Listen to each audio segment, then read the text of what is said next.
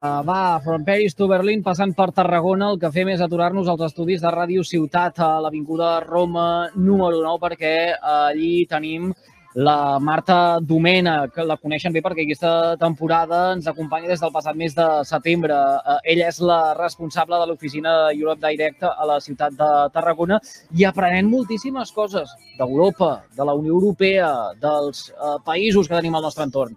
Marta, bona tarda, benvinguda, com estàs? Bona tarda. Doncs molt bé, molt enfeinada perquè estem a les portes, encara que el mes de maig quedi molt lluny, estem ja amb totes les preparacions de, de totes les activitats relacionades amb el Dia d'Europa i la veritat sí. és que anem molt a tope perquè començarem ja amb moltes activitats al mes d'abril i després el, el fort començarà el 3 de maig, però n'anirem parlant. Algunes Ostres, afectaran els nostres oients de, de Montblanc, per exemple, que és una notícia que ah. m'ha arribat avui, per tant, a veure si a la propera vegada que vingui aquí podem ja confirmar una notícia que, per exemple, afectarà a, a part de la canalla de Montblanc. Molt bé, molt bé, m'agrada. Mira, a més a més has creat ara aquest ganxo que a mi sí. tant m'agrada de dir, no? El titular no el donem, però sapigueu que d'aquí 15 dies sí que... Sí, encara no ho puc dir, no ho puc dir, però bé, les coses van... Les converses van per bon camí. Fantàstic. Molt bé. Per cert, Dia d'Europa, que és el, el 9 de maig. Sí, uh, sí, sí. Encara en... queda, però un cop ha passat la Setmana Santa ja ens hi trobem a sobre. I a banda que, doncs, abans tindrem tot un cicle de cinema en versió original, que també us l'explicarem eh, durant tota una setmana, en versions mm -hmm. en original, gratuïtes a la ciutat de Tarragona. Per tant, estem ja amb molta feina. És la nostra època gran, aquesta. La primavera és quan sempre tenim més activitats. 9 de maig, 9 de maig, cau amb un dimarts. Un dimarts. 9 de maig, ja ho estava, ara ho estava mirant, 9 de maig. Ja farem alguna cosa el 9 de maig. Aquí de seguida ens engresquem. Ja quan sigui el moment ja, ja, ja, en, ja en parlarem. Um, el Dia d'Europa i tot aquest munt d'activitats i tota aquesta consciència entorn del per què d'una jornada d'aquest tipus, amb, amb els darrers anys ha guanyat pes o, o, o, o ha intentat esponjar-se? No sé si, si ho podem dir d'aquesta manera, més enllà de pròpiament aquesta data? Parles de la ciutat de Tarragona o en general? En general, en general. tinc la sensació en que en general. general. Jo crec que en general es fan moltes més activitats ara, però probablement perquè hi ha més consciència d'europeisme que no pas fa uns anys. Mm. I, de fet, els eurobaròmetres ens, ens ho diuen així, eh? Són, ens ho diuen clarament. I sobretot després de la Covid, eh, totes les enquestes que s'han fet a nivell europeu eh, mostren un fort europeisme i, de fet, potser sí que Europa, amb tot el tema que hi va haver de la immigració que arribava, va patir un, un desengany fort, però la Covid i després la guerra han fet que, que aquest ambient més europeista estigui més present a totes les ciutats i localitats. A banda de que també hi ha un altre tema, eh, que jo avui, per exemple, estava en un institut i, i clar, depèn, hi ha classes que preguntes qui se sent europeu europea i s'aixequen més mans o menys. I després vas preguntant i instituts que fan projectes Erasmus, els nens tenen claríssim que són europeus. No hi ha cap dubte. Clar. Majoritàriament s'hi senten. Instituts on hi ha nens d'altres nacionalitats europees. Aquesta setmana me n'he trobat de Romania, de França, d'Holanda i d'Itàlia clar, aquelles classes majoritàriament se senten europees perquè ho, ho viuen i, en canvi, hi ha altres llocs que costa més.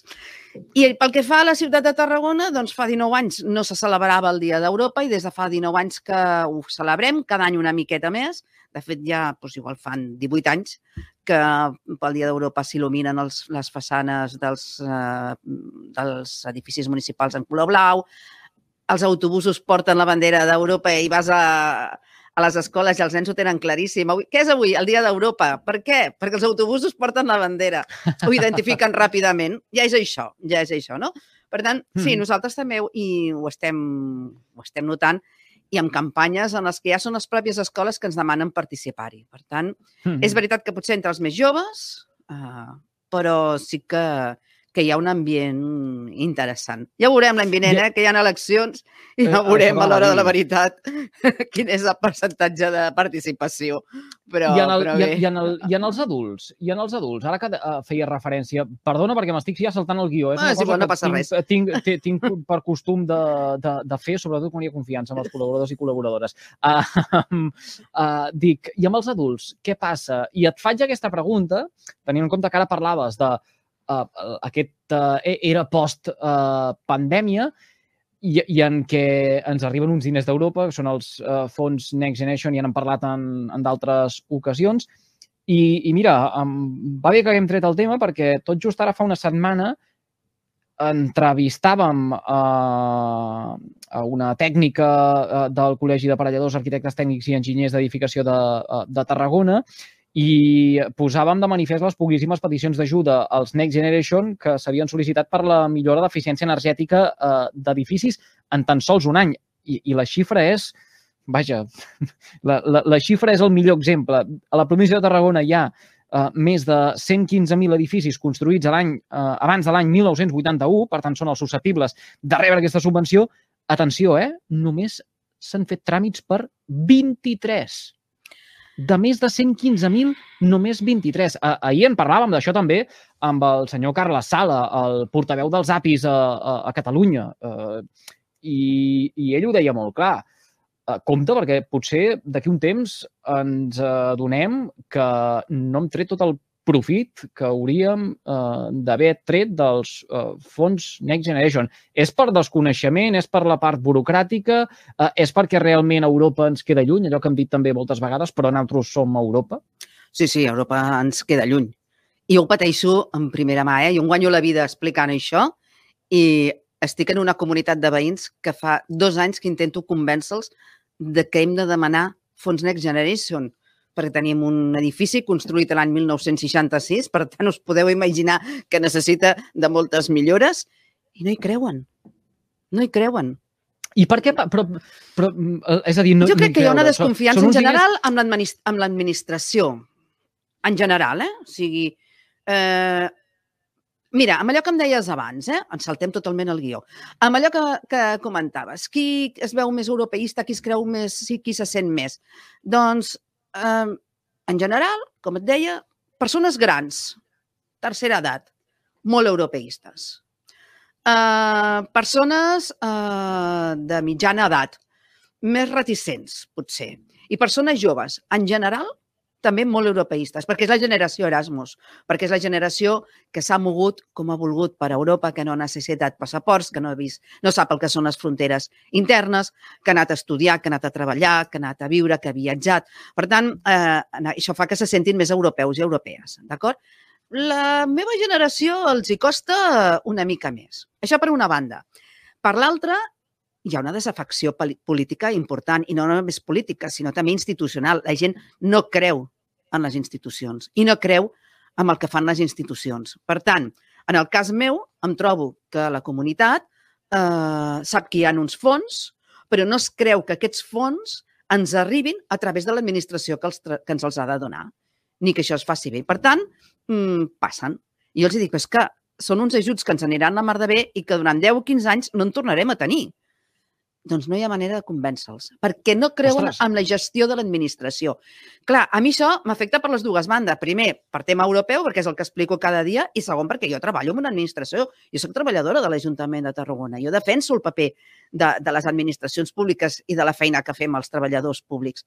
Però costa molt, costa molt. Aquesta desafecció és important. I tornant a parlar d'eleccions, m'agradarà veure ja no la, el percentatge d'electors de, electors en les mm, europees de l'any 2024, sinó que d'aquí a dos mesos en tenim unes aquí i ja veurem eh, quanta gent anirà a votar.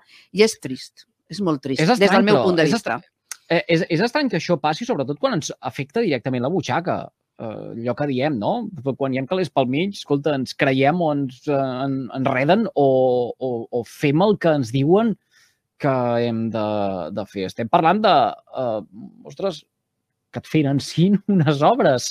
Eh, que sí, n'hauràs de pagar una part, però l'altra eh, te la paga en aquest cas doncs, a Europa amb aquesta subvenció. Eh, D'aquí dos anys potser has de fer les obres i no tens la subvenció i aleshores ho hauràs d'abonar tot de la teva butxaca. No ho sé, em, em, em, em va sorprendre molt uh, Sí, sí, la, sí. La, la xifra. Mm, en fi. Jo porto dos anys batallant amb això i de veritat que no, ja no sé com explicar-ho. A casa meva, eh?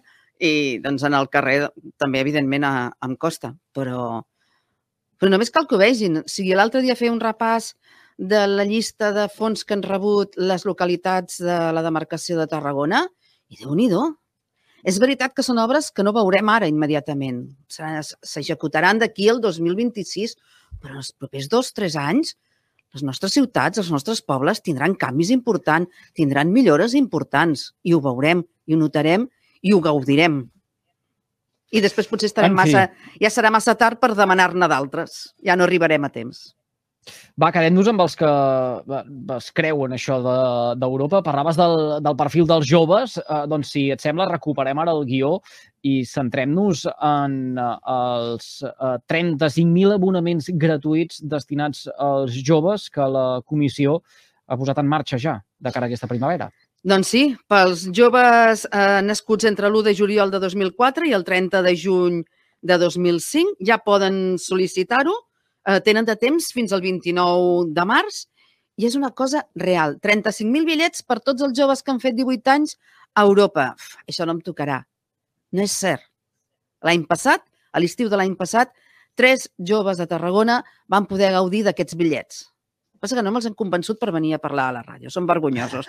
Però tres joves de la nostra ciutat ho van aconseguir. Per tant, si ho han aconseguit ells, ho pot aconseguir molta altra gent. Val molt la pena. També és una d'aquelles coses que fa que se sentin els joves més europeus perquè han de conviure amb joves d'altres ciutats. A més a més, com van amb pocs calarons a la butxaca, eh, van amb albergs, van a, a institucions, a associacions juvenils, coneixen, conviuen... Eh, bueno, fan europeisme, també, aquests joves. Mm. Estem parlant 29 de març, eh, eh? 29 de març. De, estem parlant d'uns abonaments eh, de descoberta patrimonial, podem dir, cultural eh, de- d'Europa. Eh? Eh, eh, Sí. S'inclou, de fet, dintre d'un programa Erasmus+. Plus. Sí, sí, sí, perquè l'Erasmus Plus, des del 2014, no és només per als estudis universitaris, sinó que afecta, de fet, a tota la ciutadania. Jo sempre ho dic, eh? des de que naixem fins que morim, aprenem. Per tant, en qualsevol etapa de la nostra vida eh, podem gaudir d'algun programa, d'una beca Erasmus. Evidentment, durant la formació reglada tenim moltes possibilitats i si som joves tenim moltes més oportunitats. Però fins i tot la gent gran també està fent, col·laborant en activitats Erasmus. Aquesta, en concret, forma part d'un programa a més a més d'ensenyar el patrimoni, el que busca és això, que la gent viatgi per tal que conegui altres països, altres cultures i que faci això, faci europeisme. I, a més a més, que viatgi amb tren,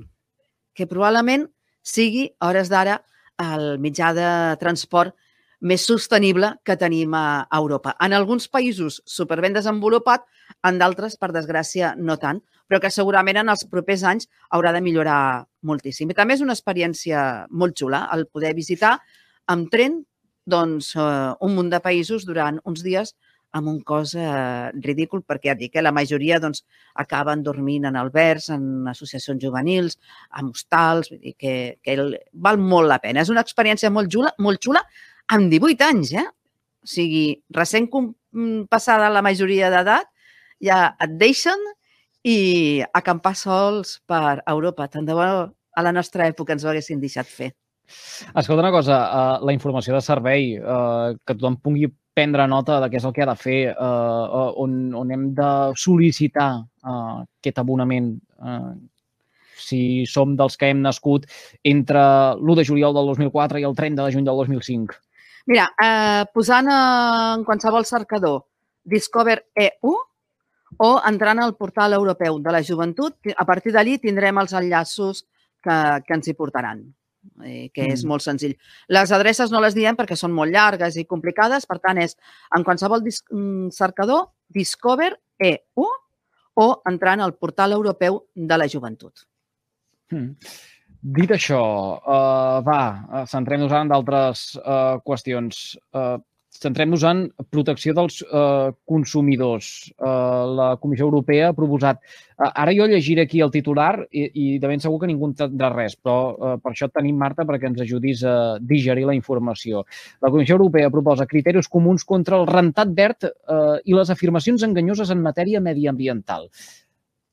Això en un llenguatge que ho entenguem tots, què significa? Que la informació que arribi als consumidors ha de ser fiable, comparable i verificable. És així de senzill. Nosaltres hem de tenir tota la informació i no sempre la tenim. Avui explicava amb un grup de, de tercer d'ESO, per exemple, que eh, les etiquetes aquelles d'eficiència energètica que estem tan acostumats des de fa molts anys de veure sí. a rentadores, a congeladors, als electrodomèstics, sí, sí, sí. ara ho veurem a tot arreu.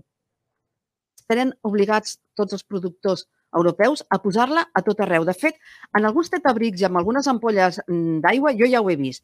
Evidentment, no tota l'etiqueta, perquè ocuparia eh, potser una cara i mitja de, dels tetabrics petits, per exemple, però sí que ja hi ha eh, el color que et marca l'eficiència energètica i alguns, eh, algunes dades que són el que ens ha de nosaltres eh, dir d'on ve aquest producte i quina eficiència energètica té tant des de la seva procedència fins que arriba a les nostres mans. Mm. L'altre dia, per ah, exemple, entenc, però que, a, a, a, entenc però que aquí això eh, eh, haurà d'unificar.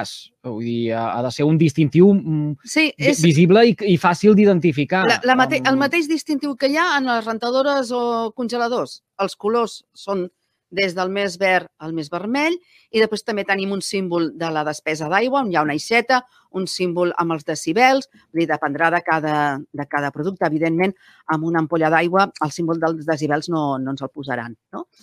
Però és que fins i tot quan comprem un pis, quan comprem unes sabates, quan comprem roba, aquesta marca hi acabarà, hi acabarà estant. En els propers anys serà molt comú veure-ho. Per, per això, perquè hem de tenir tota la informació possible. De fet, l'altre dia a mi em preguntaven en una escola un tema que creia jo que estava més que superat i, i, i es veu que no, parlàvem de, de l'aigua.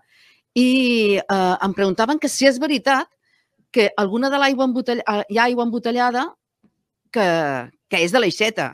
Evidentment, és que ja fa molts anys que la majoria d'aigües que hi ha al mercat és aigua potabilitzada, és aigua d'una aixeta que està tractada i que està embotellada. És la mateixa aigua que podem veure de les aixetes de casa nostra. Aigua mineral no n'hi ha tanta, perquè no hi ha tants pous ni tants manantials. A banda que, evidentment, aquella és molt més cara. Però si pensem, diem, ostres, doncs m'estic bevent una aigua de l'aixeta que, a més a més, eh, té una despesa per ser transportada, una despesa per ser envasada, després una despesa per reciclar l'envàs, vull dir que potser no ho estem fent gaire bé potser si no ens agrada del tot el gust que té les aigües que surten per les nostres aixetes, que són totalment potables i, i sanitàriament eh, consumibles, però bé, aquí cadascú té el seu, el seu gust. Potser les característiques organolèptiques eh, que tenen algunes aigües no són del gust de tothom. Doncs tenim possibilitat de posar aquells filtres de carboni que ens, les, ens hi canvien una mica el sabor. Però això de comprar garrafes i ampolles d'aigua s'hauria d'acabar, perquè en realitat estem comprant l'aigua que surt per les aixetes. Mm. Creus que eh, s'ho mirarà això el consumidor? És a dir, buscarà aquesta etiqueta, eh, Marta, o, o realment és un distintiu, al final, que com tantes altres instruccions que eh, ens surten al revers de... Mm, no tu quan et has de comprar una rentadora, tu mires? Uh, sí, eh, clar, una rentadora té un cost... No, no compro una rentadora cada dia, uh, però sí que uh, compro uns uh, iogurts cada setmana. Però potser sí que mirarem els que són més sostenibles, els que estan fets els envasos amb un producte o amb uns altres. Potser no serà immediat, però jo crec que anem cap aquí. I que, sobretot, aquí sí, eh, la gent jove, jo crec que cada cop s'ho mira més. Si mm. més no, o sigui, jo sempre ho dic, eh? això no vol dir que haguem de comprar sempre el que sigui més sostenible o el que tingui el color més verd de l'etiqueta, però hem de saber el que estem comprant. El que és important és saber què és el que, el que amb els diners que tens, on te'ls estàs gastant i que la informació sigui clara. Va, una altra qüestió, entorn encara dels eh, consumidors. Eh, unes normes per promoure la reparació de productes. Marta, jo llegia això, aquesta informació que m'enviaves eh, abans d'ahir, i pensava en l'obsolescència programada. Sí, el tema de la reparació i la reutilització fa molts anys que, que se'n treballa a la Unió Europea, però ens queda lluny encara. Uh, però, però això ens correspon a altres o, o correspon a les grans marques i que realment algú eh, els estiri les orelles per tal de posar una data de caducitat en aquesta pantalla, en el microones o la rentadora que dèiem abans? Jo crec que és responsabilitat de tots. Els que produeixen electrodomèstics, per exemple, que és allà on l'obsolescència programada es nota més, se'ls han de posar unes normes i unes lleis molt clares perquè no ens afectin i perquè no ens estafin els consumidors. Això per una banda. Però mm, jo havia portat mm, mitjons sorgits. Se feia un, un forat i te'ls sorgien. I ara no. Es fa un foradet als mitjons i els llancem i en comprem uns altres. Probablement perquè a vegades hem trobat mitjons que després ho penses i dius tan baratos pot ser? Com, com, com pot arribar a valer això? Tan poc. Llavors no li donem importància, es fa molt bé i ho llancem. Però mm, aprofitar roba d'uns germans amb uns altres quan els nens són petits, o entre nosaltres, eh? Jo amb les meves germanes ens, ens intercanviem eh, roba, perquè a vegades estàs cansat d'un abric i dius, mira, porta'l tu una temporada a veure si després me'n tornen a venir ganes. O, o perquè t'engreixes o t'aprimes, eh? Vull dir que, que és igual. Eh, durant molts anys hem viscut eh, molt alegrement i ens ha costat molt poc llançar i comprar nou. I no hem reparat i reutilitzat. I això és molt important, eh? la regla de les tres R's. Primer, intentar reduir el consum, després intentar reparar o reutilitzar i després ja eh, enviar a, a, a la a la incineradora el que toca i el que no, el, el reciclatge, sí, no? Vull dir, el, el que estem acostumats amb els diferents con, contenidors. Però mm. penso que és responsabilitat de tots. Per una banda, les empreses, que han de fer productes que no s'espatllin als 7 anys, 7 anys i mig, vull dir, aquests electrodomèstics de casa mmm, difícilment arriben als 8 anys. O quan s'acaben aquestes garanties, ara que diuen, tres garan garanties a 3 anys és l'obligatòria. Si pagues una assegurança, t'ho allarguem fins a 5. Saps que quan arribi als 5 i mig aquella peça et petarà. Doncs amb això no hi ha dret. Per tant, ens han de garantir que existeixen les peces de recanvi, cosa que moltes vegades no passa que el, els models de qualsevol cosa eh, canvien per tant... tant per, per tant, això ens ho hauran d'indicar. És a dir, amb, amb, amb, amb aquestes normes doncs, que promouen la reparació de productes, uh -huh. eh, les marques estaran obligades a informar-nos del que, el període que, que uns... clar, de, i fins en quin període hauríem de saber a la millor comprem un producte que, que, ja, que ja fa molts anys que s'està fent i que, per tant, el modificaran i s'hauran de canviar algunes peces. Ho haurem de saber. Haurem de saber que aquest producte eh, al cap d'un temps determinat ja no trobarem unes peces de, de recanvi. Sí, sí. Mm -hmm.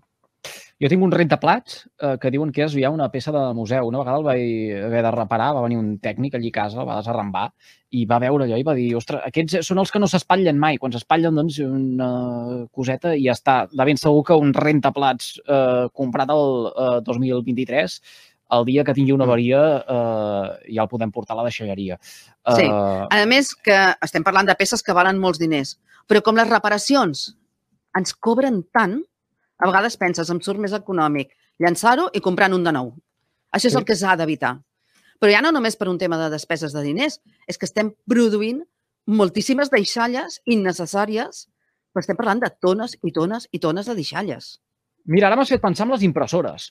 Va, Oh, és que ho trobo escandalós. El meu drama, el meu drama personal. Una, una, una, les impressores d'aquests que van amb aquests uh, cartutx de, de, de tinta, uh -huh. que quan s'acaba i has de canviar, uh, un, un recanvi uh, et surt pràcticament al mateix preu que una impressora nova d'aquestes uh -huh. multifuncions. Dius, com, com pot ser això? És que... Sí, sí, ja fa molts anys que... És, el, és l'exemple que explica millor, uh -huh. això. Fa molts anys que, que vaig a la copisteria. De fet, ara ja pràcticament poc imprimim tots plegats, no? Però quan s'ha d'imprimir, copisteria. També tenen dret uh -huh. a guanyar-se la vida i em trenc de sobre un trasto de casa que és que és inútil, inútil, perquè no... Això que dius, vas a comprar el recanvi a mi una vegada em va costar més car el recanvi que comprar-ne una de nova. Això, això, sí, sí. Eh, Clar, dius, per responsabilitat ciutadana compro el recanvi per no generar més residu. Clar, però per la butxaca m'interessaria més llançar-ho, portar-ho a la deixalleria i comprar-ne una de nova. Ostres, ens ho posen difícil, eh? Ens ho posen difícil.